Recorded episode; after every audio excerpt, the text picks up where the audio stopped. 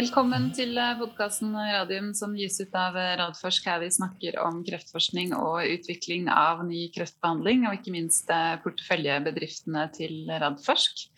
I dag er det blitt episode 190. Det er valgspesial. Det er Datoen i dag er 14.9. Klokka er vel blitt 13.15. Velkommen, Jonas Einarsson. Takk skal du ha, Elisabeth. Alt bra? Alt vel. Klart til videre innsats. Det er bra. Eh, du satt ikke oppe lenge i går. Du tenkte at det, det var ikke noe vits? Nei, altså det var, det var, jo to ting. da. Det ene var at uh, det var veldig spesielt med, med, det som kom klokka ni, i og med at de da hadde prognoser på ja, over 40% av uh, de stemmeberettigede. Ikke sånn valgdagsmålinger som jeg har vokst opp med i gamle dager. Så den var jo regna med at den var rimelig treffsikker. Så nei, jeg fant ut sånn rundt rundt ellevetida at uh, da var det egentlig bare to ting som var spennende. Det var om MDG eller KrF skulle havne over eller under sperregrensen. og jeg så vel ikke at det skulle få det helt store innflytelsen på Stortinget de neste fire årene, og hvem som ble statsminister og sånn, så da, da, tenkte jeg at det var, det var greit som det var. Ja. Det, jeg satt oppe til halv to, ja, så jeg syns det var eh, spennende å følge med. Det er valg her spesielt, og i år så var det ekstra morsomt. For jeg fikk eh, selskap i sofaen av tvillingene, i hvert fall eh, lite grann. Fra, fra, klokka ni, så det er morsomt å se på det. Eh, vi har med oss en eh, veldig hyggelig og kompetent eh, gjest på dette med samfunnspolitikk i dag. Thomas Akselsen, som leder da, den delen på Kreftforeningen. Velkommen. Jo, tusen takk for det. Satt du oppe også seint, eller tenkte du som Jonas at nok er nok? Det havna vel et eh, sted midt mellom dere, tenker jeg. Jeg satt oppe en god stund. I Kreftforeningen så hadde vi en digital valgvakke på oh ja, så, hjemme, så vi satt og fulgte eh, valgsendingene litt sammen utover kvelden. Eh, men når klokka bikka midnatt, så tenkte jeg at nå begynner vi å nærme oss at det meste er klart. Ehm, jeg har også et par tvillinger. Eh, de er bare fire år, eh, så de gir litt mer trøbbel på nattestid enn de spør du har, Elisabeth. Så når klokka bikka midnatt, så tenkte jeg at ok, da, da, går vi for at dette er ganske klart. Ja. Og det, det, stemte vel. Du, eh, Thomas, det er veldig hyggelig at du er med oss eh, på veldig kort varsel eh, til og med, skal vi innrømme. Vi skal bare ta én selskapsoppdatering, og så skal vi snakke mye, mye mer om valget. Det blir spennende. Jonas, Onko Invent de hadde jo da sin Q2-presentasjon forrige uke. Som kort oppsummert så går alt på skinner. Jeg vet ikke om du har noe mer å, å tilføye? Du er styremedlem, er du ikke det? Jeg er styremedlem, og vi er ikke så lenge siden vi gjennomførte en svært vellykka emisjon som uh, eh, sikra oss uh, finanser godt inn uh, i fremtiden og gjøre, fortsette med den uh, kliniske utviklingen vi holder på med. og spesielt i det ene studiet, i kolorektal, så har jo rekrutteringen gått over all forventning, selv i disse pandemitider. Eh, og også bra i, i, den andre studien. Eh, og så langt så har jo alle safety-møter eh, vært bra. Ikke noen skjær i sjøen, så per i dag så, så er i hvert fall så fungerer dette som vi hadde trodd og håpet. Det er jo litt komplisert med kateter å sette inn i bukhulen og dette her, men det meldingene tilbake fra kirurgene og, og de som jobber med radiofarmaka på sykehusene, er at det oppsettet som eh, Roy Larsen og Øyvind Bruland har laget sammen med klinikerne, er, ser ut til å fungere veldig bra. Så eh, nå begynner vi å nærme oss tider hvor vi kan begynne å se litt etter effektdata, litt tidlig enda, men eh, det er jo alltid, alltid spennende da, når vi, når vi, kan begynne å ane det. Men det er, det er en stund til. Men, men ja, nei, det, det, går bra med Ungcoinvent. Alt, alt er på skinner. Det var veldig morsomt, for de hadde jo presentasjonen sin på, på Teams, så man kunne jo se, se, hvem som alle de andre som deltok også. Det var en veldig kort og effektiv presentasjon. Tror de var ferdig på et kvarter, inkludert spørsmål, og det var det nesten ingen spørsmål. En av de var på, på en mulig børsnotering som de har guida på, så det virket i hvert fall som de som hørte på også var veldig, veldig fornøyd. Så bra. Mm, ja. Du, eh, Thomas, før vi går i gang med selve liksom, valgspesialen og skal um, grave oss ned i det, kan ikke du fortelle litt om, uh, om, deg selv og bakgrunnen din, og også litt om det arbeidet som Kreftforeningen gjør på det politiske? For det er ganske mye, vet jeg. Eh, jo, det kan jeg gjerne gjøre. Eh, mitt navn er jo da eh, Thomas Akselsen. Eh, sørlending, sosiolog og mannskorist på fritida. Så har jeg jobba litt over ti år med kulturarrangementer og i frivillig sektor i litt ulike roller. De siste syv årene har jeg jobba med politikk i Kreftforeningen. Og det siste halvannet året har jeg da leda samfunnspolitisk seksjon i den samme organisasjonen. Så når det gjelder hva vi i Kreftforeningen jobber med, så i Kreftforeningen så jobber vi for at færre skal få kreft, at flere skal overleve og få best mulig livskvalitet for pasienter og pårørende. For å nå de målene så jobber jo vi på veldig mange ulike måter. Jeg tror mange kjenner oss eh, som en ganske stor aktør innen forskningsfinansiering. For pasienter og pårørende så er det kanskje rådgivningstjenesten, eh, vårt eh, gratis rettshjelpstilbud og andre pasientnære tilbud som er mest sentrale. Mens i min seksjon så jobber vi med myndighetskontakt, vi jobber med politisk påvirkningsarbeid. Eh, vi jobber både lokalt og nasjonalt eh, med mål om å få til mest mulig god politikk eh, for kreftsakene. Um, og Da jobber vi med alle de tre hovedmålene. Så Vi jobber fra politikk på det forebyggende arbeidet helt inn til det som handler om lindrende behandling og palliasjon. Og så tenker jeg at Mellom der så er det veldig mye interessant som vi kan snakke mer om i denne samtalen. her. Mm. Så bra. Eh, ja, da kan vi jo starte med valget. Jeg tenkte kanskje vi kunne starte eh, samtalen rundt eh, toppen. Ja. Altså, hvem blir eh, helseminister eh, nå, og i så fall hva kan vi forvente av eh, vedkommende? Jeg tenker jo det er kanskje to kandidater som som på en måte er aktuelle. og Det er jo da Ingvild Kjerkol fra Arbeiderpartiet som er helsepolitisk talsperson der, har vært det i mange år. Og så er det man da Kjersti Toppe fra Senterpartiet som er helsepolitisk statsperson der. Er du enig i det, Thomas? Ja, det er nok de to navnene som slår de fleste, eh, som har sittet tett på dette. Så har jeg sett at begge to har blitt spurt i Dagens Medisin eh, om de ønsker å gå for den rollen. Eh, det vil jo ingen av de egentlig verken bekrefte eller avkrefte i de foreløpige svarene som de gir. Men det vil nok overraske både meg og de fleste andre dersom det skulle bli noen andre enn de to. Eh, og Personlig så holder jeg nok også en knapp på at det blir eh, Ingvild Kjerkol fra Arbeiderpartiet. Mm. Og så tenker jeg at vi kan si at Uavhengig av hvem av de to det skulle bli, dersom det blir en av de to, så kommer vi til å få en helseminister som har mye erfaring på området. Eh, Kjersti Toppe har sittet tolv år nå i helse- og omsorgskomiteen som første nestleder. Ingvild Kjerkol har seks år bak seg. Mm. Så um, de er godt skodd uh, innenfor de områdene de i så fall skal jobbe med de neste årene. Mm. Det er jo uh, veldig viktig, da, for det er jo stort og komplekst område dette her. Eh, Jonas, er det en sånn umiddelbar kommentar? Du har vel møtt og snakka med disse begge to, har du ikke det? Jo da, veldig mange ganger. Og jeg er veldig, veldig enig med Thomas sin uh, vurdering at det ville overraske meg veldig mye om ikke det blir uh, en av de to.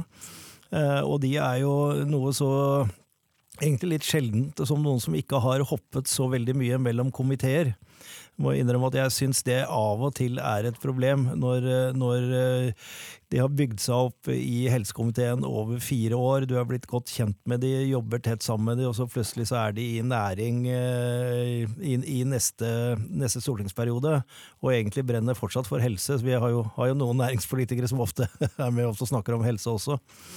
Eh, så, så det, det, det syns jeg er en fordel, fordi begge de to har jo, har jo, vist at de følger godt med på et svært komplisert felt.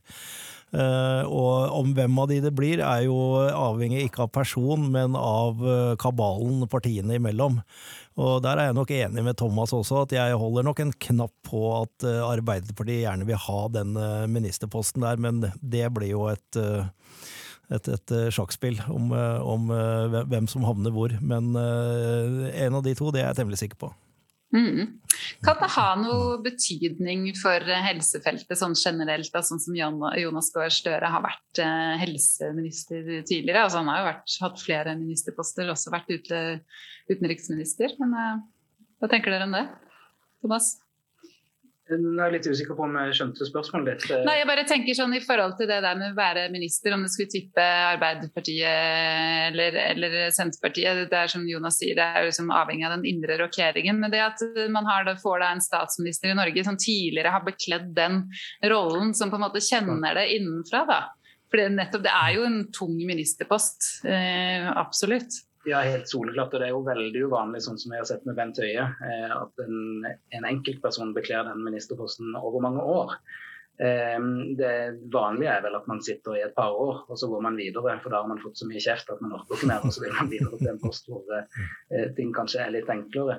Eh, jeg tenker at Det kan selvfølgelig ha noe å si, men så tenker jeg nok at det er vel så viktig er nok hvilke poster Senterpartiet ser seg ut i denne regjeringa, at de eh, ønsker å markere seg. Og Jeg er ikke helt sikker på at de kommer til å lande på at helse er det viktigste for dem.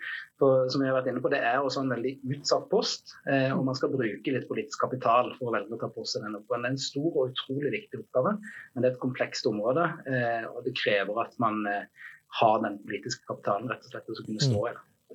Jeg, jeg, jeg, har lyst til å gi litt kred til eh, Bent Høie, som, som, faktisk har bekledd den jobben. Og når han overtok, så var det ikke lite turbulent da på den tiden heller.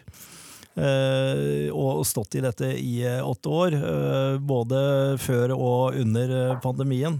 Så jeg syns faktisk at han har, han har gjort en, en, en, veldig solid figur. og noe av det viktigste han gjorde, syns jeg, det var at han etter ett eller to år som helseminister, den gangen Dagens Medisin kåret de 100 mektigste i Helse-Norge, dukket opp på førsteplass der. Eh, det var slett ikke så vanlig tidligere. Da var det ofte en deppråd eller andre som eh, ble kåret til det.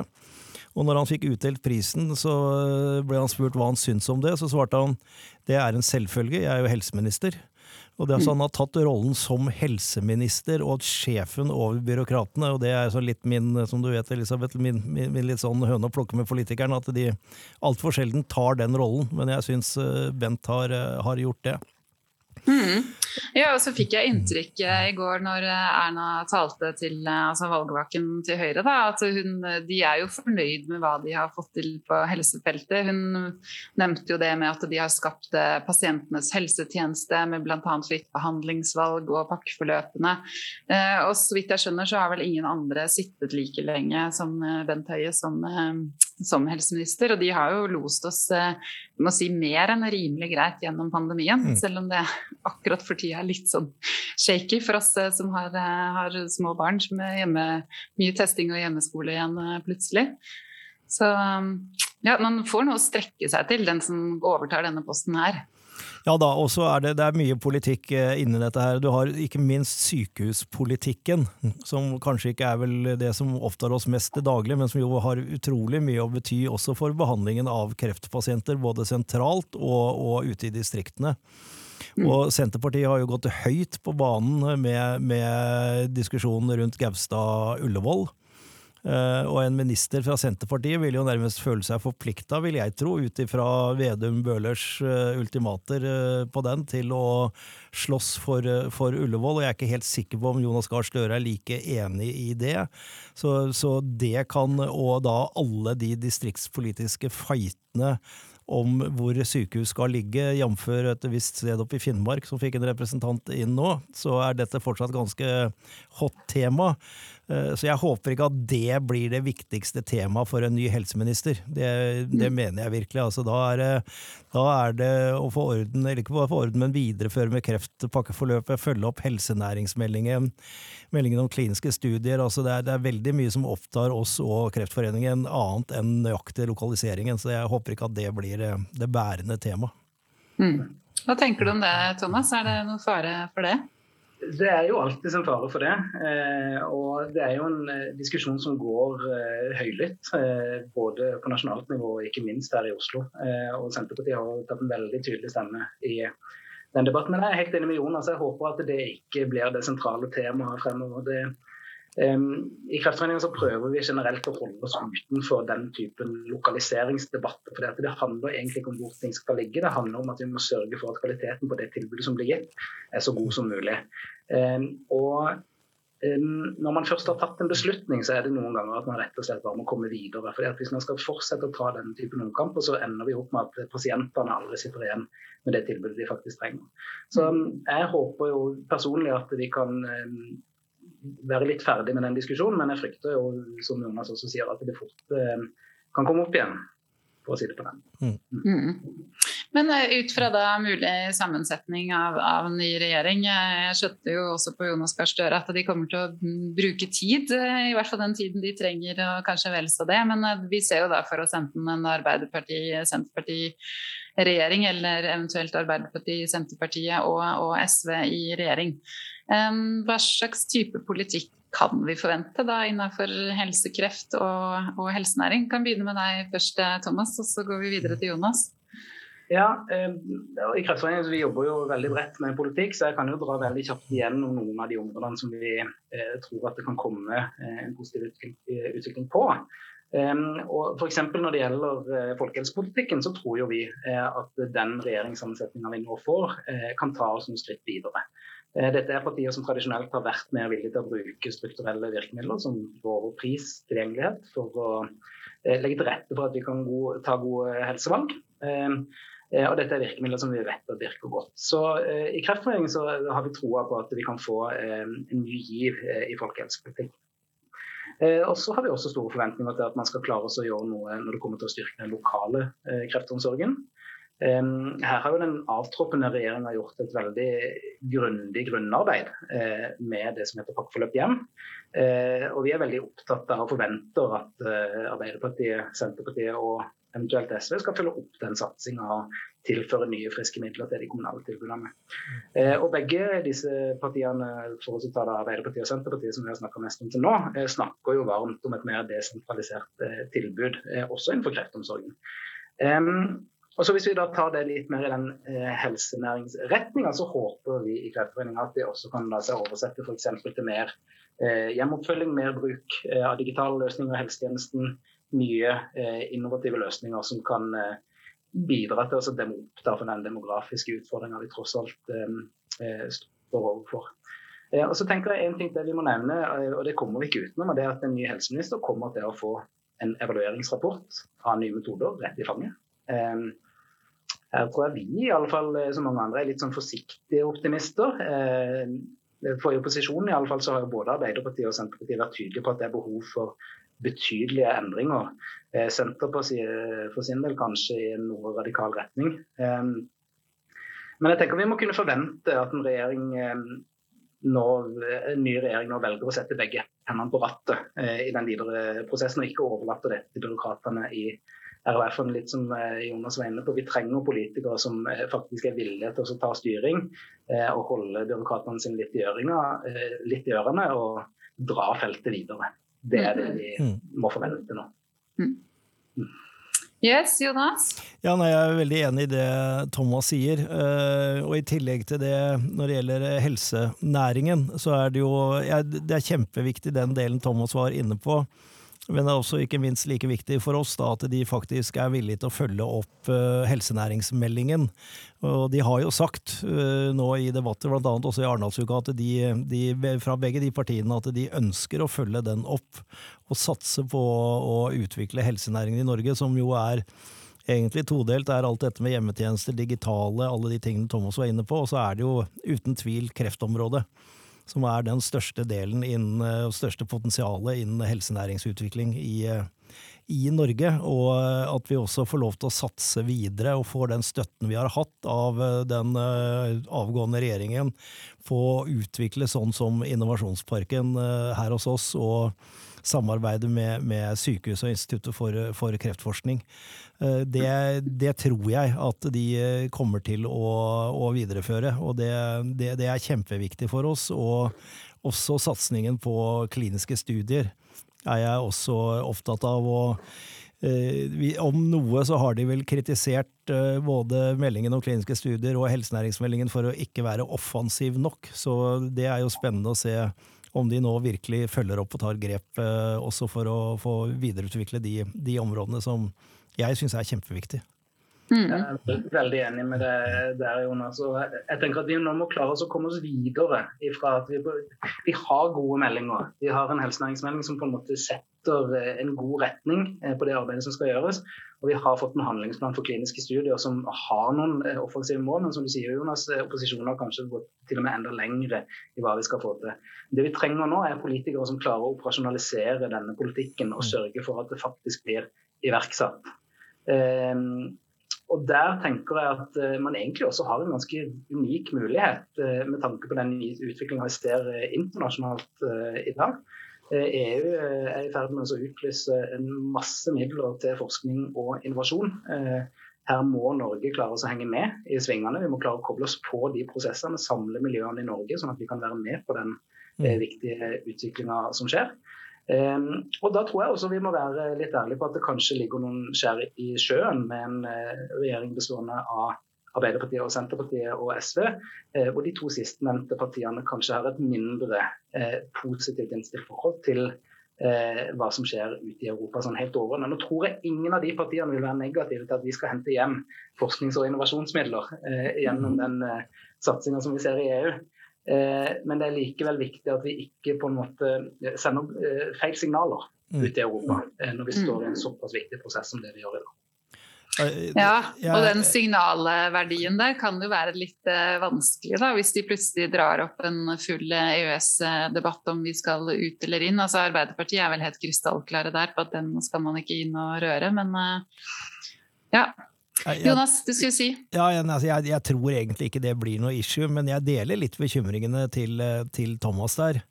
Uh, og en annen uh, Og da legge til samtidig, som Thomas kan utdype litt, uh, som folk kanskje ikke er klar over, er det internasjonale arbeidet som Kreftforeningen gjør med å jobbe med sånne internasjonale initiativer, som annet å prøve å få Cancer Mission fra EU til Norge. Det tror jeg går litt under radaren, Thomas, og det tror jeg dere kan være litt, litt flinkere til å, til å, skryte av. Hvor det er ikke bare å samle inn midler her, men, men også å få ganske store midler fra den type prosjekter. Det er viktig. Så er det en annen ting som jeg er veldig spent på. Jeg tror ikke jeg har noe sånn eh, klar formening om hvordan det blir, men vi har jo savna et tettere dialog og samarbeid mellom alle de departementene som egentlig omfavner oss. Det er jo så mye mer enn Helsedepartementet. Det er jo Næringsdepartementet, eh, ikke minst Finansdepartementet, men også kunnskap og forskning. Så det er Og, og, og det var jo var bra at det var eh, HOD og Næringsdepartementet som sammen la fram eh, helsenæringsmeldingen. Selv om vi har hørt flere helsepolitikere som gjerne ville at den skulle bli lagt fram gjennom Helsedepartementet og ikke Næringsdepartementet. Eh, jeg er ikke helt sikker på om det hadde vært så lurt, for jeg tror forankringen i helsenæringsmeldingen faktisk er dypere per i dag i Næringsdepartementet enn i HOD. Men jeg skulle også ønske at eh, HOD blir enda mer fremoverlent på den næringsbiten, i samarbeid med, med de andre, andre departementene. Eh, både kunnskap og forskning. altså Det er jo universitetet, det er Universitetssykehuset i Oslo, i Bergen, Trondheim, Tromsø. Det er alle de akademiske institusjonene som på en måte er råvareleverandørene til oss når det gjelder nye ideer som vi kan da eh, gjøre om til næring. Så eh, det er vel sånn Jeg har veldig lyst til å utfordre litt på at de faktisk tenker litt mer helhetlig, og ikke bare siloer i, i departementene. Mm.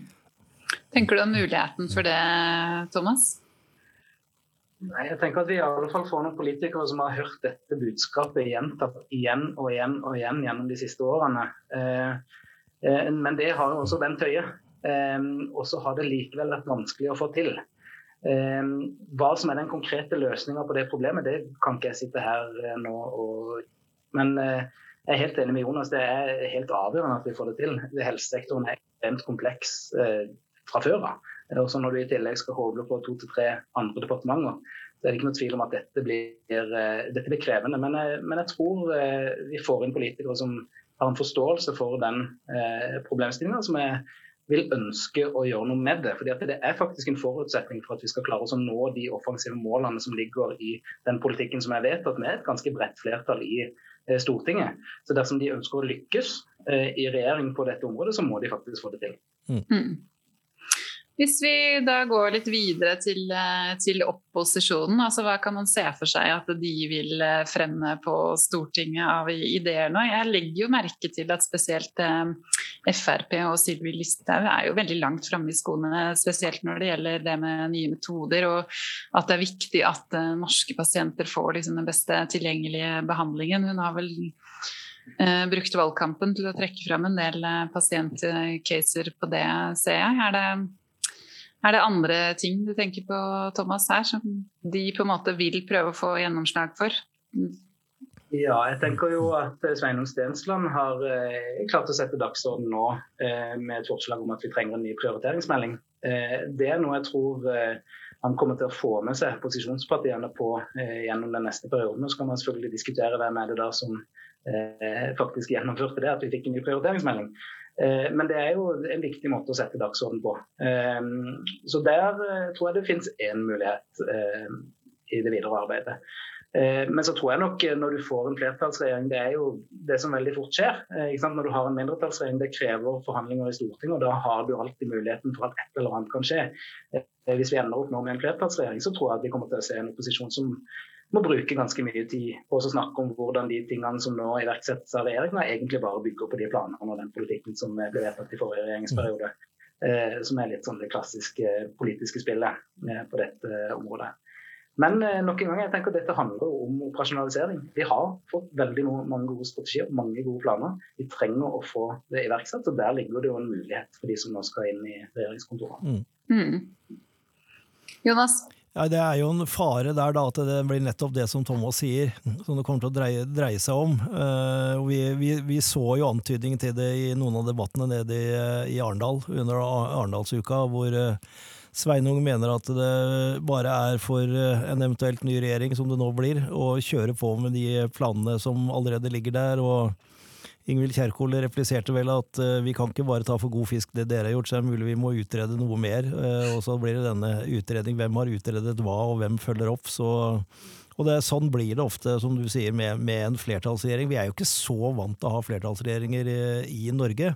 Vi er jo vant til at det er denne helt åpne debatten, og man beveger seg fra sak til sak. Mens eh, det vi har hatt, vi har jo hatt noe av det av flertallsregjeringer i, i den senere tid, da, da, blir det et litt mer kjedelig storting. Fordi eh, da, da, bestemmer man seg i regjeringen for hvordan det skal være, og så blir det sånn. Mm det, det, flytter mye av definisjonsmakten eh, helt riktig til regjeringskvartalet, for å si det på den måten. Men eh, når det er sagt, eh, i en mindretallsregjering så er jo også regjeringa veldig selektiv med hva de faktisk sender til Stortinget. Fordi at Da sender de ikke ting til Stortinget hvis ikke de tenker at dette faktisk kan bli vedtatt politikk. Vi har sett noen eksempler på at de har brent seg på det i den perioden vi har gått gjennom nå. Så hvis man først klarer å overbevise en flertallsregjering, så vet du i alle fall at du får det igjennom i Stortinget. Ja. Så, eh, så det, det, det, gir en litt annen dynamikk. Eh, helt enig med Jonas. Mye kjedeligere å jobbe med Stortinget, men kanskje desto mer spennende å eh, jobbe aktivt med regjeringa. Mm. Vi får se, da. Det er jo det som er det store spørsmålet nå. Også om det blir en flertalls- eller, eller en mindretallsregjering. Det, ja, det vil, det vil, på en måte legge premissene for veldig mye av hvordan ja, man kan jobbe med de, og hvordan de kommer til å jobbe også på, på Stortinget, hvor de søker søker eh, forankring. Hva er liksom de viktigste politiske sakene for dere i Kreftforeningen nå framover? Ja, si neste stortingsperioden, da. Um, vi uh, har jo egentlig starta den jobben allerede med å spille inn til regjeringsplattform og mm, det neste til de partiene som nå skal gå inn i forhandlinger. Noe av det første vi kommer til å gjøre når vi får en ny helseminister, uh, er å starte jobben med å få på plass en ny kreftstrategi. Eh, eller rett og slett eh, kanskje aller helst en handlingsplan eh, på kreftområdet. Som da skal dekke hele det politiske spekteret som jeg tidligere har snakka om, fra det forebyggende arbeidet og helt inn i døden for kreftpasienter. Så håper jeg at en sånn plan kanskje kan bygge på det mulighetsrommet som ligger i, EU Emissions-tankegangen. At vi kan sørge for at vi rett og slett lager et eget samfunnsoppdrag på kreft i Norge, med alt det innebærer for den saken. Vi vet at olje- og gassnæringa lever på låntid, og vi må posisjonere oss på en måte der vi kan være best. Eh, og vi må klare å forsterke da, de initiativene som kommer fra Europa nå. Eh, så jeg vil jo håpe at en sånn type kreftstrategi eller handlingsplan for kreft eh, kan bygge mer på en sånn eh, missions eh, samfunnsoppdragstanke.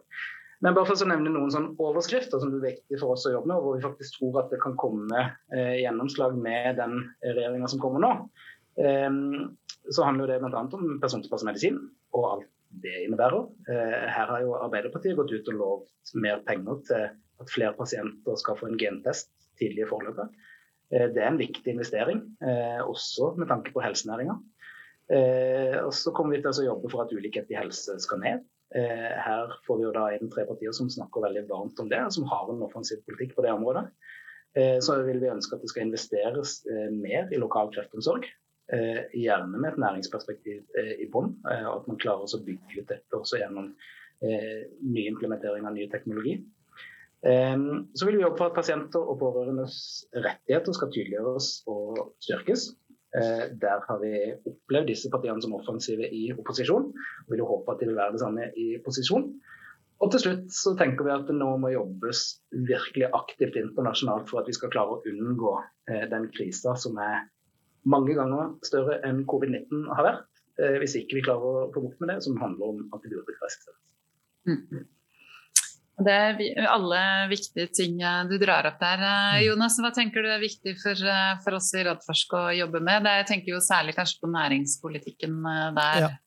Uten tvil. Så, og, og, jeg har lyst til å koble det sammen, fordi jeg er veldig for at man jobber med en ny kreftstrategi, og også ser det i internasjonal sammenheng og EU, men også ser det får helsenæringen inn i kreftstrategien. For en del av helsenæringen er jo tilbud om kliniske studier til kreftpasienter, og en tilgang til å være med selv og utvikle kreftlegemidler i Norge.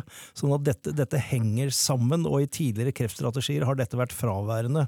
Så det er noe jeg gjerne ville, ville slå et slag for i, i, i forhold til det. Å få, få, en god plass til det også. Mm. For det, er, ja, det har vært det er, eh, veldig viktig. Det er kreftbehandling, ikke sant. Alle selskapene våre jobber med å behandle kreftpasienter. Og mm. det, det er liksom, Vi må ikke glemme det aspektet. at hver, For hver pasient som kommer inn i en klinisk studie, så er det et håp om at det er en bedre behandling enn vi har fra før. Så, så det er ikke noe skille mellom denne helsenæringen og kreftbehandling. Det er en del av det samme.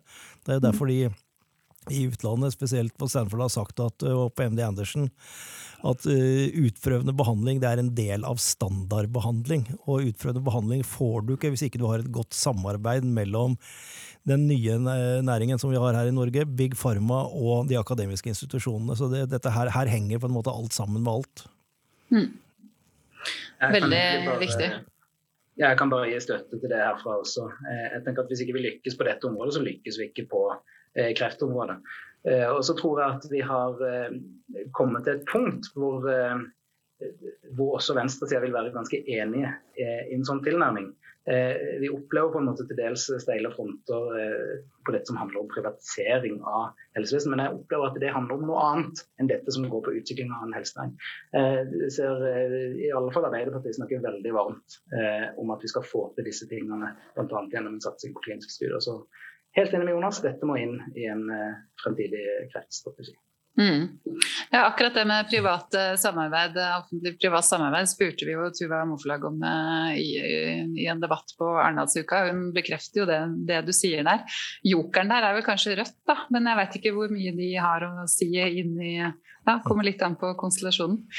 Der, de er jo kjappe på å stemple alt private med, som velferdsprofitt. Så ja.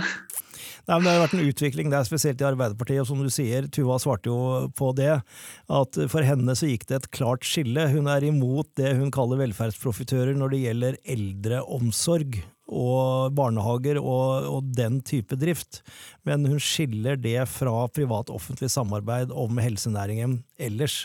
Og, og, hvis man kan få inn den klare på en måte skille der, så slipper vi kanskje å blande ideologi inn i noe som ikke behøver å være, være der. Mm. Det høres, uh, høres bra ut. Er det noen siste bemerkninger uh, til, uh, til, slutt? Thomas? Eller har vi vært gjennom det meste? Nei, jeg tror at vi har dekka dette ganske godt. Det blir en utrolig spennende tid nå de neste ukene. og for så vidt den måneden som går frem til det legges fram et siste statsbudsjett fra den avtroppende regjeringa. Og vi får se en, hvordan en ny regjering ser ut, og hva de ønsker å legge på toppen av det budsjettet. Så eh, det er jo nå eh, jobben egentlig starter med å finne ut av hvor vi skal og hvordan vi skal komme dit. Mm.